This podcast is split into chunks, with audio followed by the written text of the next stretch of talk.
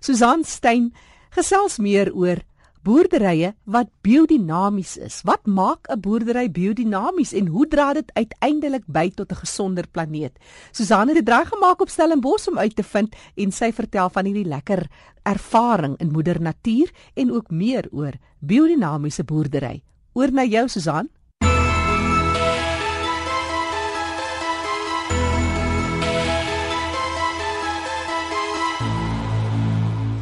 Jackie, ja, ek het nou net so 'n lekker interessante kuier gehad daar buite Stellenbosch by Angus McIntosh. Hy is 'n boer op die Spierwynland goed en hy sê hy is volkome volhoubaar of hy is 'n volkome volhoubare boer. Nou terwyl ons so onder die bome gesit het, son het lekker geskyn, sonbesies het geskree, die pragtige Stellenbosse pieke het so blink gestaan teen die blou lug. Wou ek by hom weet wat hulle nou doen wat hulle boerdery so volhoubaar maak. Want alles wat ons doen is volhoubaar. Die hoenderbesigheid, die wingerdbesigheid, as ook die beestebesigheid. En die volhoubaarheid, alles moet op drie maniere volhoubaar wees. Finansiëel, ekologies en dan sosiaal. Elke besigheid moet 'n wins maak. Ek het my braaikak besigheid toegemaak want dit was nie winsgewend nie. Alhoewel hy ekologie ekologies winsgewend was en sosiaal winsgewend was. Die ekologies is baie eenvoudig. Die plaas moet in 'n beter toestand wees nadat ons op die plaas was as wanneer ons op die plaas aangekom het. En oor die 4 en 'n half jaar wat ek op die plaas boer, kan ek sê dit dit die geval is. Die koolstofinhoud in die grond het opgegaan, so daar's meer organiese materiaal. Net hierdie winter alleen het ons oor die 4000 bome geplant om die veiding. Die derde ding is die sosiale aspek. Nou Stellenbosch oor die laaste 30 jaar het een massiewe monokultuur van wingerd geword. Met die gevolg is die staf doen elke liewe jaar dieselfde ding. En die alkohol is 'n baie groot probleem. Ons besef dis 'n moeilike ding om teen te werk want dit is baie jare dat dit dat dit so aangaan. So ons staf doen verskeie goed. Uh in die oggende sing ons almal saam en ons doen 'n paar snaakse speletjies goed en en so gaan die dag aan. Maar hoe winsgewend is dit om so te probeer om volhoubaar te wees? Hoe maklik of hoe moeilik is dit? Kyk, ek is nie 'n konvensionele boer gewees nie. Ek was 'n aandelemaker of lank in Londen gewees. So ek kan nie die vraag antwoord van hoe dit verskil met ander tipe boerdery nie. Ek weet ek werk harder as ander boere omdat ek nie die chemiese valskerm het nie. So ons moet voor die tyd seker maak die grond is gesond, wat die plante gesond gaan maak, wat hulle minder siek gaan maak. En dieselfde met die diere. Wat ons doen met die diere is ons skuif die diere, die beeste 3 keer 'n dag, die hoenders 1 keer 'n dag. So hulle is nooit in hulle selle mis vir lang periodes nie. Maar tradisionele boerdery word die beeste elke week geskuif en in 'n voerkraal glad nie geskuif nie. Hulle staan hulle eie mis vir 5 maande. En dit is een van die redes hoekom hulle soveel medisyne moet gebruik. So een vraag wat jy gevra het wat ek graag wil antwoord het, het te doen met die winsgewendheid van die ding. En daar's baie kostes wat 'n mens vir kom ons praat nou rooi vleis. Die kostes verbonde aan die voerkraal is nie in die prys van die vleis nie. Die die eerste punt is 90% van die medisyne in die land, die antibiotika in land word vir diere gevoer. Jy moet enige dokter praat, die weerstand teen antibiotika word 'n probleem. En dis 'n probleem omdat die diere antibiotika inkry en almal daai diere eet. So daai kostes is nie in die vleis nie. Die die skade aan die omgewing is ook nie in die prys nie. Iemand moet betaal vir die besoedelde water. Maar weet ons is nou nog nie so ver as as 'n land waar die regering daai goed ernstig opneem nie. Maar die besoedeling van die water word gedoen deur voerkrale. Ons manier van boere is heeltemal anders. Ons gebruik ons beeste se mis. In die natuur bestaan die woord waste of gemors nie. Daar's niks in die natuur wat gemors word nie. Maar ons, die mens in sy moderne boerdery, mors. So daai mors het 'n baie groot koste uh, aan verbonde. En dan spesifiek met voerkraalvleis, die gesondheidsimpak op die mens is ook nie in die koste nie, want die omega 3 en omega 6 verhouding in rooi vleis wat uit 'n voerkraal uitkom, want is dis dis graan gevoer, is uit verhouding uit. En dit is die grootste rede vir hartprobleme et cetera et cetera. Boetem nou sê ek het, het nou baie dokumente geskryf oor daai spesifieke vak. So met ander woorde, dit verg 'n bietjie meer moeite, dit verg 'n bietjie meer beplanning en verg dit 'n bietjie meer of minder geld om so te boer. Aan die begin is dit definitief meer werk. Maar naderhand is dit later is dit minder werk want jy laat die natuur dit goed vir jou doen. Ek is op 'n stadium dat ek my my, my bees produksiekoste baie baie laag is. dit aan die begin minder meer werk en 'n bietjie meer kapitaal om die plaas op te stel sodat ek die beeste baie kan skuif. Maar my kostes daarna is baie laer. Wat is vir die grootste probleem van volhoubaar boer? Die grootste probleem vir volhoubaar boerdery is baie eenvoudig. Dis die krag wat die winkels, die nasionale winkels oor die boere uitoefen. Tipies as jy na 'n winkel toe gaan en jy koop melk of boontjies, die boer kry 25% daarvan. Hy het al die risiko gevat en hy word miskien 30 dae, waarskynlik 60 dae na die tyd betaal. Die winkels is die grootste probleem vir die volhoubaarheid van boerdery. Baie dankie Angus McIntosh, hy is 'n boer van die Stellenbosch omgewing. Nou ons probeer om winkelgroepe te kry om met ons te praat oor hulle volhoubaarheidsfilosofie. Was nog nie suksesvol nie, maar hopelik gaan ons dit in die nuwe jaar regkry. Was regtig interessante oggend by Angus. Hulle het ook sulke mobiele eenhede waar hulle die hoenders heen skuif. Hulle noem dit die egg mobile. En dan het hulle hierdie beeste wat in die veld wy, ons het in die veld gaan stap tussen die beeste en dit was vir my baie opwindend want die beeste volg ons, het ons gevolg en elke keer as jy omkyk dan staan hierdie beeste doodstil reg agter jou en as jy vorentoe beweeg dan kom die beeste weer. Daar was selfs een wat toegelaat het dat ons hom streel. Want terwyl ons nou so praat van boerdery, ehm um, Liesel Haasbroek is die nasionale koördineerder van die biodinamiese landbouvereniging van Suid-Afrika. En ek het vir haar gaan vra presies wat is biodinamiese boerdery en hoe verskil dit van organiese boerdery? Liesel. 'n uh, Organiese plaas kan nog steeds 'n uh, monokultuur wees. Met ander woorde, daar word met net een gewas geboer. 'n Biodinamiese plaas poog om 'n verskeidenheid bronne van inkomste en fertiliteit en vrugbaarheid te hê. Met ander woorde, hoenders, groente, vrugte, beeste, dalk selfs toerisme ensovoorts is een van die komponente en natuurlik dan ook die gebruik van die biodinamiese preparate. Wat is biodinamiese landbou? Bios is lewe en dinamies verwys na die verhouding van plante, diere, mense en selfs die wyeer kosmos met mekaar en die bewustheid van en die respek van die interaksie en die impak wat daai komponente op mekaar het.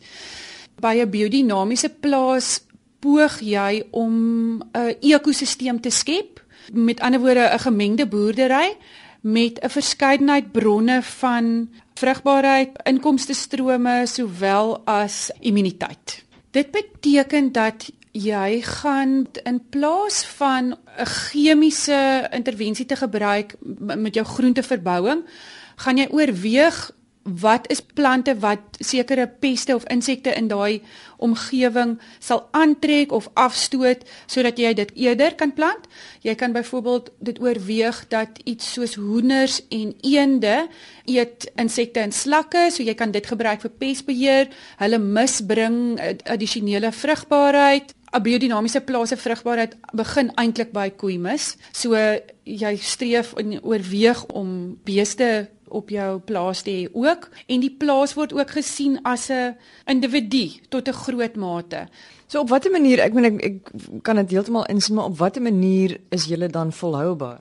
As jy 'n plaas sien as 'n organisme en streef na 'n toe-eenheid. Met ander woorde dat jy al jou vrugbaarheid van binne daai eenheid afkry eerder as wat jy kunsmis van buite afbring wat koste implikasies het. Dis een komponent van volhoubaarheid.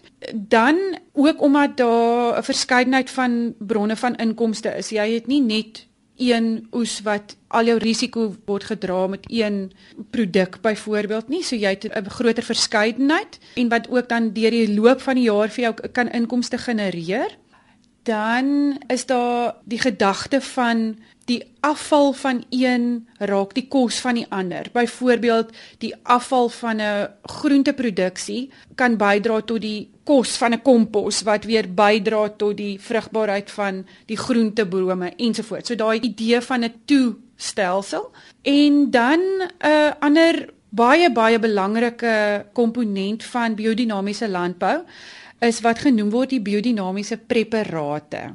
Wat is dit? Dit is homeopatiese en plant afkomstige middels wat gemaak word elke jaar op 'n biodinamiese plaas deur die lede van die biodinamiese vereniging. Een is mis en horingpreparaat. Jy neem koeimis, dit word in 'n koeihoring begrawe in die wintermaande en na 6 maande word dit uitgegrawe en in water geroer vir uur en dit word gespat op jou grond 65 gram daarvan op 'n hektaar en dit werk omtrent uit op R35 'n hektaar vir vrugbaarheid. Net so 'n klein bietjie logika daar agter. Onlangs het iemand gesê die mens het 'n selfsugtige verteringsstelsel wat beteken dat ons het afval. Ons neem al die krag uit ons kos uit. 'n Koei het mis nadat die kos deur vier maag gegaan het, is daar mikroorganismes, bakterieë en baie lewe in daai mis. As daai mis in 'n kalsiumryke silindervormige houer begrawe word, met ander woorde 'n koei horing in hierdie geval, en vir 6 maande in die winter in die koue tyd kry dit die geleentheid om humus te raak So dit word opgegrawe en dit word gebruik vir vrugbaarheid en teen R35 'n hektaar dink ek nie is dit 'n 'n groot las op jou koste. Wat vind julle van boere? Stel hulle baie belang hierin? Dink jy boere begin sien dat dit is die pad vir die toekoms? Meer en meer en meer. Ja. Ek het ook 'n praatjie bygewoon onlangs wat die man gepraat het oor die verskil tussen 'n erflating en 'n erfenis en die langtermyn impak van chemiese landbou word gesien en ervaar op verskeie vlakke. En ek dink tot 'n groot mate word dit gedryf deur jonger mense wat meer lees oor waterbesoedeling en lugbesoedeling en die impak van chemikalieë oor 'n langtermyn en mense sien dit in die grond in die lewenskragtigheid van grond oor 'n langtermyn. Dankie Liesel Hasbrook. Sy is die nasionale koördineerder van die biodinamiese landbouvereniging van Suid-Afrika. Hulle help boere ook met die omskakeling na biodinamiese boerdering deur inligting te gee en ook boere met mekaar in kontak te bring. Hulle kontakbesonderhede is op RSG se webwerf. Ons het 'n tyd gelede gepraat oor biomimiek waar beginsels uit die natuur nageboots word om stelsels te laat werk. Nou daar's twee plekke in Afrika, Abuja en ons eie Nyasa, wat begin het om biomimiek in te span om hulle munisipale werking meer volhoubaar te maak. Gerard Pretorius is die projekbestuurder van BioWise. Dis 'n nuwensgewende maatskappy in Nyasa wat saam met die plaaslike regering werk. En hulle doel is om mense bewus te maak van natuurgeïnspireerde oplossings vir alledaagse probleme. Hulle het in 2010 die Naturally Nice inisiatief begin om die dorp meer volhoubaar te bestuur. Hulle het ook 'n toekenning daarvoor gekry van die Wes-Kaapse regering se 110% Green Initiative. En Gerard verduidelik wat die Naturally Nice inisiatief behels. Die inisiatief is 'n raamwerk wat op bestelbeginsels lê. In die natuur is daar geen konsep van werkloosheid of afval nie. Afval word beskou as 'n bron en dit skep geleenthede vir enige organisme wat 'n entrepreneuriese uitkyk het om te vore te kom en daaruit voordeel te trek. Die mens se behoeftighede sluit in verligting, ventilasie, energie, doeltreffendheid, ingenieurswerke, vervoer en die versameling en skoonmaak van water. Die natuur in die 3.8 miljoen jaar wat daar lewe op die planeet is, het oplossings vir hierdie en ander probleme ontwerp. In 'n woud byvoorbeeld moet water gepomp word, slaapkamers moet gebou word, goedere moet vervoer word 'n woud moet ook die seisoene kan oorleef om aan te hou as bronne minder beskikbaar word. Die raamwerk wat die Naturally Nice inisiatief voorsien, bestaan uit verskeie oplossings vir hierdie soort probleme. Op watter manier pas julle dit nou in die praktyk toe? Ons implementeer Naturally Nice as projekte. Ons het 'n sampioen kweekprojek. In basis wat dit behels is afval koffiekorrels as ook die afval van bierbrouerye word gebruik as 'n substraat om sampioene te groei. Dit is weer 'n voorbeeld van afval as 'n bron. 'n Nog 'n projek is die herwinning swap shops. En basies wat hierdie projekte behels is dis skoolkinders wat herwinbare items versamel. Hulle bring dit na die swap shop toe waar hulle dit kan verruil vir koopbewyse en hulle gebruik dit om items te koop wat hulle anders nie sou kon bekostig nie.